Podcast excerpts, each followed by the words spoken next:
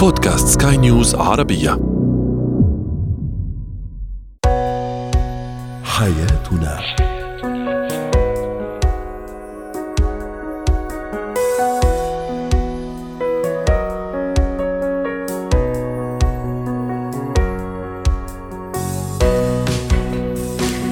مستمعينا الكرام أهلا بكم. معنا إلى حياتنا فضاؤكم اليومي الذي يعنى بشؤون الأسرة وباقي الشؤون الحياتية الأخرى والذي يمكنكم الاستماع اليه عبر منصة سكاي نيوز عربية dot com slash podcast وباقي منصات سكاي نيوز العربيه الأخرى. شاركونا عبر رقم الواتساب 00971 561 88 6223 معي أنا امال شاب اليوم نتحدث عن بناء زواج متوازن لكن بشخصيتين متعاكستين هذا صح تعبير متناقضتين في الطباع.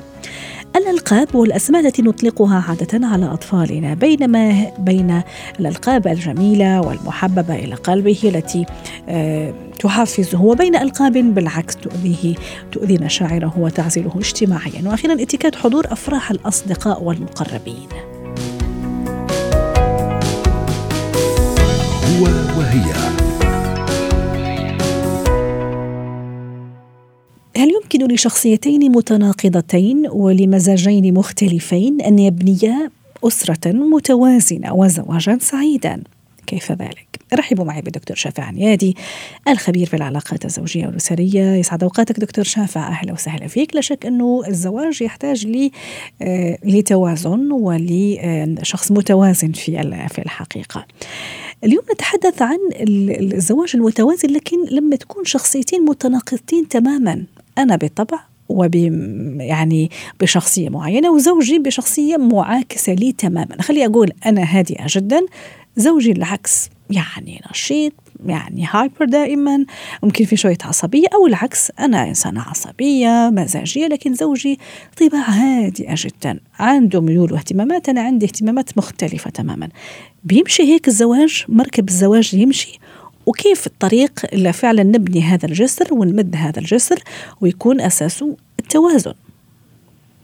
آه، سعد الله اوقاتك شكرا أختي أمال حياك الله آه، طبعا في في اعتقاد خاطئ عند البعض كثير على أن الحياة الزوجية يجب أن تكون يجب أن تكون يعني قائمة على الاتفاق والتناغم في الطباع والصفات وهذا مم. يعني أنا أقول ولازم نكون كوبي copy paste من من يعني أنا كوبي بيست لزوجي وهو نفس الشيء أحيانا توأم اثنين ظهر ما يطلعون متشابهين هلا فالأمر على أساس نحن نبعد شوية عن المثالية. مم. فامر الأمر طبيعي الاختلافات. وهذا غير صحيح. والاختلاف رحمة كمان دكتور شافع إذا فعلا عرفنا كيف ننطلق من هذا نعم.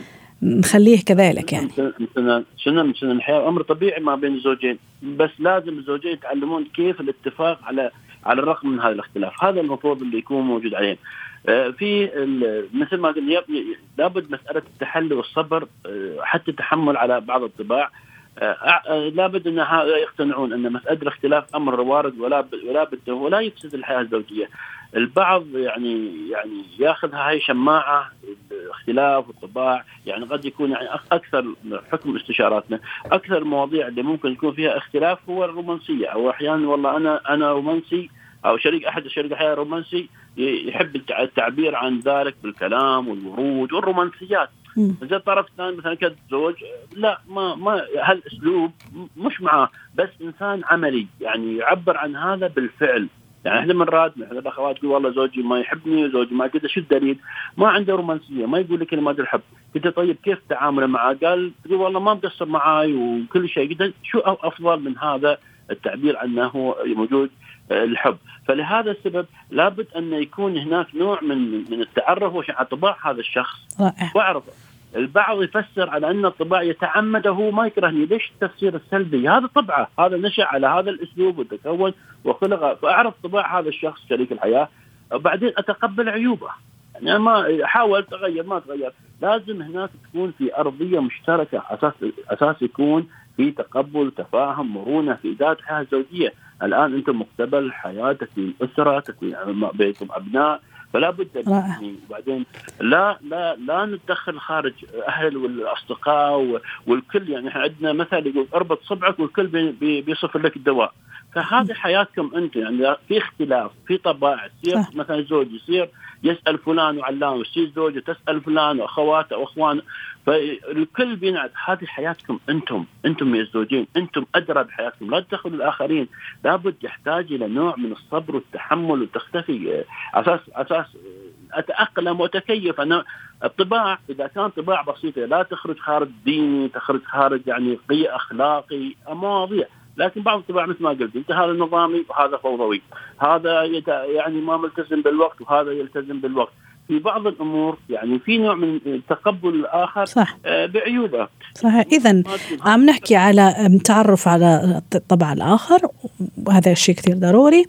ثم تقبله كمان عم تحكي عن نقطة كثير كثير يعني في غاية الأهمية وحكيت كمان على نقطة لا تقل أهمية عن النقطتين اللي ذكرتهم حضرتك دكتور شافع اللي هي المرونة إني أكون مرن مع طباع شريكي مع طباع زوجي أو زوجتي حتى وإن كانت مختلفة. عليه بالعكس الاختلاف يثري حياتنا الزوجية. في نقاط أخرى حاب تشير لها دكتور وتشدد عليها في, في, في نقاشنا اليوم حتى نخلق هذه الحياة المتوازنة رغم اختلاف طبائعنا. أقول أن لا لا نركز على هذه النقاط الاختلاف، نركز على الإيجابيات، قال تعالى ولا تنسوا الفضل بينكم. تركيزي على هذا الاختلاف وهذا العيوب يبني فجوة كبيرة ما بيني وبين شريك الحياة. تركيزنا على الأمور الإيجابية أنظر الإيجابيات أشوف إيجابيات أكثر من سلبياته فإذا هذا ظلم أني أنا أكره هذا الإنسان أو أحقد أو أكون فلا بد الخطوة الأساسية أني أتقبله وننتبه من بعض السموم اللي هي تنشر من الخارج. أعيد أكرر حياتكم مؤسستكم أنتم يا الزوجين. لابد من تقديم تنازلات لابد مسألة المرونة في الحياة الزوجية. آه، الاعتراف اعترف وجهة النظر ويعني حتى وتقبل رايه آه، وبعدين أحيانا شوفي بعض بعض الأزواج يحب نوع من الخصوصية. بعض الأزواج كتاب مفتوح. فهذا شوف الفرق ما بين الخصوصية وما بين شخصية كتاب مفتوح. فليس معنى هذا الإنسان خصوصي يعني داس عني شيء أو يتعمد أو شيء لابد تكون هناك نوع من الثقة. كتاب مفتوح ليس معناته إن هذا يفشل أسراري وهذا إنسان ما, ما, ما يمسك كلامي و... فهنا لابد يكون في نوع من الاتفاق ونوع من الحوار والنقاش الحوار ثم الحوار ثم الحوار. لأن إذا قطع هذا الحوار لن لن يصير هناك قاعدة أو أرضية اتفاق في مسألة هذا الغرب. شكرا. في قانون منزلي ما بين الزوجين يتفقون عليه ويكون من خلال هذا الحوار والنقاش. شكرا لك دكتور شافع عنيدي الخبير في العلاقات الزوجية والأسرية ضيفنا العزيز وأتمنى لك أوقات سعيدة. زينة الحياة أحيانا بنطلق على أطفالنا القاب يعني محببة بالنسبة لنا بنحب النادي بها. أحيانا القاب دلع بين قوسين. أحيانا آه، القاب أنا في اعتقادي لقب جميل لأني عجبني لكن ممكن هو يأذيه نفسيا ويخليه ينعزل اجتماعيا. رحبوا معي بالأستاذة همسة يونس الخبيرة النفسية والتربوية ضيفتنا العزيزة. أهلا وسهلا فيك. لنناقش هذا الموضوع اذا اللي هو موضوع إطلاق الألقاب. ومتى تكون الألقاب التي نطلقها على أطفالنا؟ محفزة له ولهم عفوا ومتى تكون مؤذية لمشاعرهم؟ دعوني أستعرض بعض تعليقات السادة المستمعين. دكتورة همسة أهلا وسهلا فيك. وخليكي معنا نستمع لتعليقات بعض السادة المستمعين. تعليق يقول إذا نادينا طفل بألقاب جميلة وألقاب جيدة أكيد سينعكس هذا على شخصيته ويكون هذا أمر جميل ويعطيه تحفيز كبير. أيضا آه، تعليق آه، آخر يقول منادة الطفل بصفة إيجابية أو كنية جميلة يحبها سيقوي ثقته بنفسه ويجعل العلاقة معه أكثر عمق وحب لكن مناداته بوصف سلبي أو اسم فيه إساءة ممكن أن يعرضه لألم نفسي وبالتالي أعراض لمشاكل صحية بالفعل. آه، أستاذة همسة شو مثلا الاسم اللي تحبي تطلقيه مثلا على طفلك أو على بنوتك؟ ما أعرف إذا في رقم معين ولا لا تفضلي تناديهم بأسمائهم. والله يعني أطلق الألقاب أقولها في مواقف معينة. حتى مثل؟ أؤكد أؤكد دائما على الأهل إنه نادي الطفل باسمه، أنا بحب إنه يعني حتى أسماء الدلع ما تكون هي الطاغية على حوارنا مع أبنائنا، لا أوكي بدك في اسم تدليل خلي اسم التدليل آه، يعني قريب من اسمه.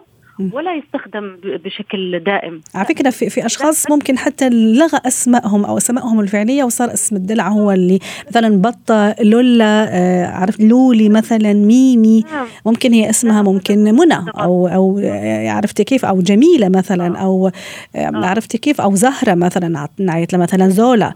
ف في, في, نعم. في فعلا يعني بعض حتى وهم كبار عرفتي كيف؟ لما يقدم نفسه مثلا تقد أنا اسمي ميمي مثلا لكن هي اسمها منى. في خطورة باعتقادك؟ جزء من شخصيته انت عم تلغيها. فلازم يكون في ارتباط بينه وبين هذا الاسم. يعني بالتدريج من صغره حتى يكبر يكون في هذا الارتباط السليم بينه وبين اسمه. بالنسبة للألقاب يعني أنا مثلا آه، ممكن يعني أنا دي يعني دي في موقف مثلا يعني إنه الله عليك يا مبدع مثلا. لو جاب لي مثلا هذه هذه صفة مش صفة ممكن مش أكثر منها لقب. يعني ممكن نعتبرها لا أنا دي أنا بعتبرها كلقب لأنه حتى عندي في التليفون يعني وأنا مسجلة أسمائهم مثلا أحمد المبدع آه، شهد الفنانة الجميلة آه، همس الأميرة يعني في لا في ألقاب يعني أنا بستخدمها آه، فهي زي ما قلت لك إنه أستخدمها في مواقف معينة وأيضا تكون في مواقف يعني تستحقق الآن أستخدم هذا اللقب الآن لأعززه ايجابيا في مواقف حقيقية الآن حصلت يعني بحيث إنها تؤتي ثمارها جميل. آه يعني يعني طفلك طلبت منه شيء ورفض. يعني أنا من كم يوم طلبت من عمر إنه ينظف المكان اللي أكل فيه الشيبس آه كان زعلان من موضوع آخر فرفض يستجيب لي لهذا الطلب. ما أصريت تركته. بعد عشر دقائق لقيته وحده راح نظف مع إنه مع إنه غضبان مني يعني في شيء اخر فراح نظف المكان فمع إنه هو مبوز زعلان بس أنا في هذه اللحظة قلت له أحسنت بارك الله فيك جزاك الله خيرا يا مبدع. أنا أشكرك. يعني أحسنت أنت رائع أنت مبدع. يعني آه، نستثمر الموقف لحتى نعطي هاي الألقاب الجميلة لتؤتي ثمارها. جميل. أحيانا كمان خلينا نروح لموقف آخر. يعني الآن حضرتك بتقولي إنه حلوة الألقاب لكن مش لدرجة إنه ألغي فيها اسم الطفلي الأساسي أو الأصلي. هم ما نستخدمها كذا عمال على بطال في كل في كل لحظة. نعم. البعض مثلا مثلا هو هو ذكر أو ولد طفل ممكن أعطيه اسم لقب كذا شوية ميال لأنثى أو العكس ممكن هي بنوتة حلوة ممكن نعطيها اسم أو لقب كذا دلع. لأني أحبها أو لأن لأنه أنا أحب مثلا الاسم وعندي موقف مرتبط فيه ومرتبطة فيه فأطلق على بنتي هذا اللقب واضل يعني يعني أناديها به. هذا في مشكلة؟ بتشكل له مشكلة؟ تشكل لها مشكلة؟ زي ما قلت لك يعني م. يعني ليش ليش نلغي الاسم يعني؟ آه، okay في لا أنا ما أحكي فقط مثلا هي اسمها شهد واناديها أميرة. ممكن اسمها شهد ممكن أناديها الاسطى حسن خلينا نقول مثلا اسطى حسن. آه okay. لا عرفتي كيف؟ يعني نغير كل الاسم. تماما تماما. لا لا. آه آه زي ما قلنا مثلا بيقولوا مثلا لما يلاقوا بنت شيء كثير بتتحرك وهيك يصيروا ينادوها حسن صبي. مثلا. مثلا. مثلا. آه آه آه فلا طبعا المفروض لأنه بيهز ثقة أصلا الطفل في نفسه.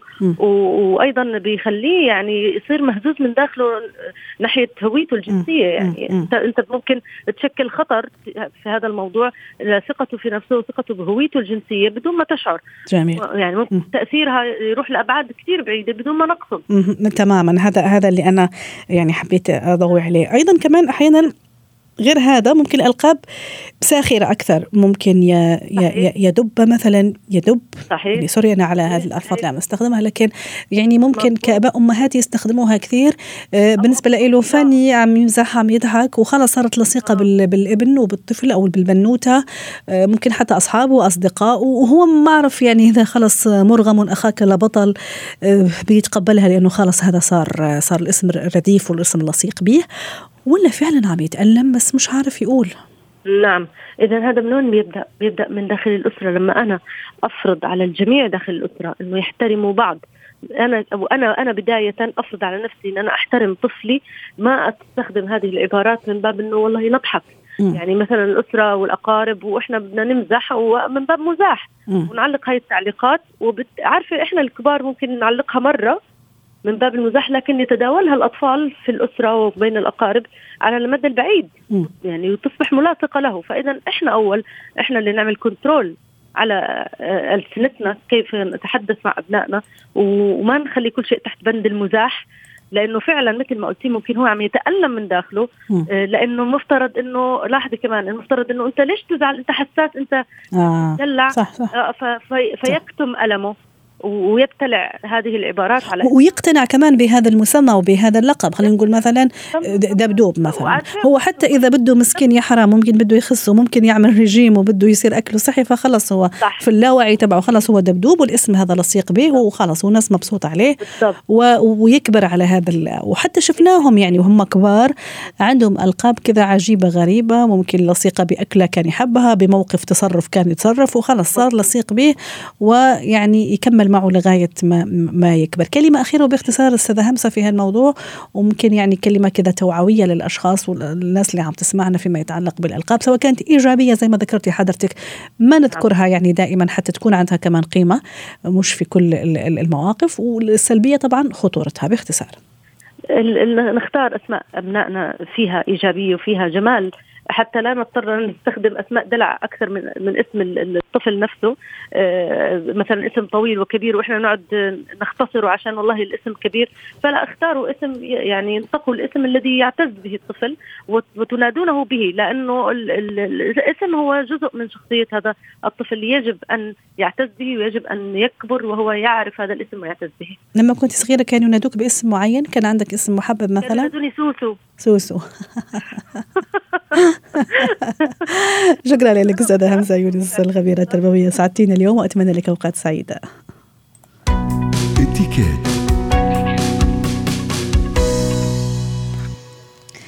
اليوم نتحدث عن اتيكيت حضور الأفراح لكن مو أي فرح. فرح صديق مقرب صديقة مقربة شخص عزيز علي آمون عليه ويمون عليه بين قوسين. رحبوا معي بمرلان زلهب خبيرة الاتيكيت ضيفتي العزيزة من بيروت. أهلا وسهلا والأستاذة مرلان نحن مقبلين على فصل الصيف ومعروف فصل الصيف أفراح ومناسبات حلوة وجميلة ولما كذا وأعراس وأفراح أكثر شيء.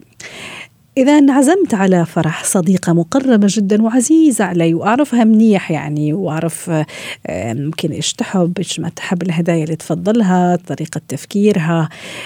في طريقة معينة لحضور هذه الأفراح لما يكونوا هالأشخاص جدا مقربين؟ لأن قصدي من ناحية اتيكات شراء هدايا آه، سؤالهم عن الشيء ممكن اللي يحبوا يستقبلوه كهدية آه، حضورنا مثلا ممكن أحيانا ما تعزمني صديقة جدا مقربة ليش أنا حتى تعزمني؟ خلاص أنا أروح وكأنها أختي. هل هذا صح ولا لا؟ هي لازم تعزمني حتى وإن صديقتها المقربة.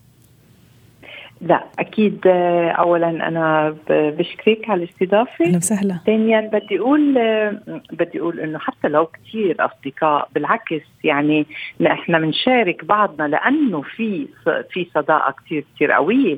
وهي الأصدقاء لما بيكونوا هالقد مقربين يعني بيبقى كل كيف بدي أقول اعتماد عليهم.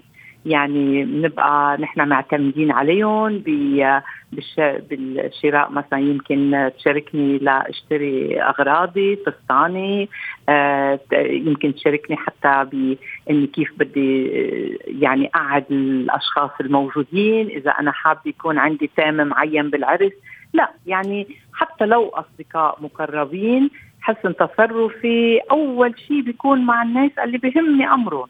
قبل ما يكون مع الغرباء يعني.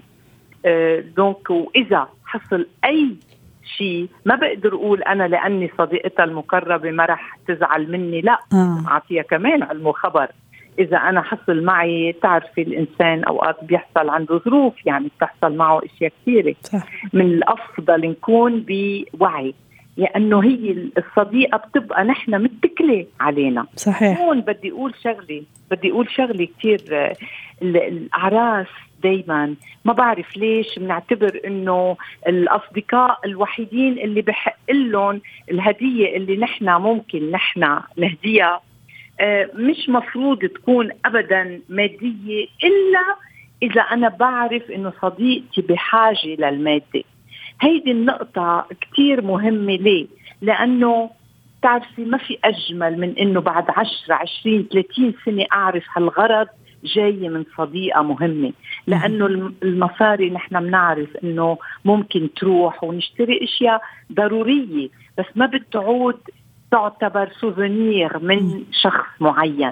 اي بس أحيانا مثلا يعني البعض ما أدري كمان يعني بتعرفي مع الظروف المادية والاقتصادية مثلا البعض يقول لك لا أفضل مثلا إني أخذها مثلا مبلغ مالي يعني أنا أنا أعرف وين أحط هالمبلغ يعني أنا أدرى بوضعي. ممكن أنا كمان كصديقة مقربة لصاحبة الفرح أو العرس اي بعرف ظروفها فأفضل مثلا أني أعطيها مبلغ مالي معين هي تتصرف فيه.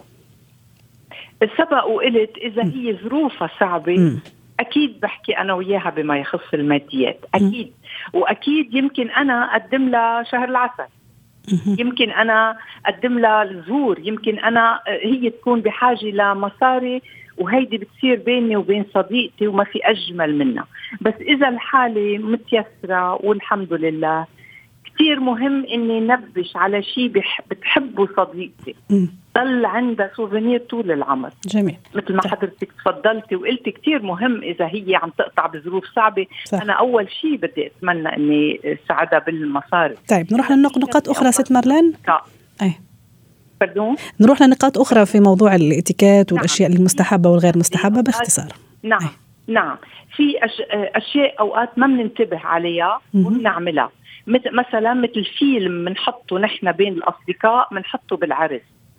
آه هون ما في ما في أي آه حسن تصرف إذا ما بعطيها علم وخبر بالأشياء اللي أنا بدي أحطهم بهالفيلم. في أمور أنا ماني حابة. قصدك الفيديو القصير اللي أحيانا يحط مثلا حطه نعم. في بداية نعم. الفرح. أيوه. مم. نعم. نعم. يا ما عمل آآ آه، آآ آه، صح يعني ازمات ومشاكل نعم. صح صح, صح. نعم 100% نعم. آه كمان بدي التزم التزم مش لأني أنا صاحبتها بيعتبر إنه كل شيء مسموح لي. أنا بدي التزم بالتعليمات اللي هي حابة تكون بعرسها. اخذت وعطيت أنا وياها هيدي شيء ثاني بس مثلا واحد. إذا صاحبتي ما بتحب إني أنا ألبس لون أسود مش لأنه نحن أصحاب ماشي الحال. لا إذا صاحبتي حابة المكان يكون على الشاطئ أنا مثلا لازم كمان أكون عم عم بشارك بكل هالتفاصيل الصغيرة اللي بتفرحها لها هي. جميل. أنا واضح. شو أنا حابه واضح. شكرا لك استاذه مرلان سلهب خبيره الاتيكيت. اسعدتينا اليوم ضيفتنا من بيروت.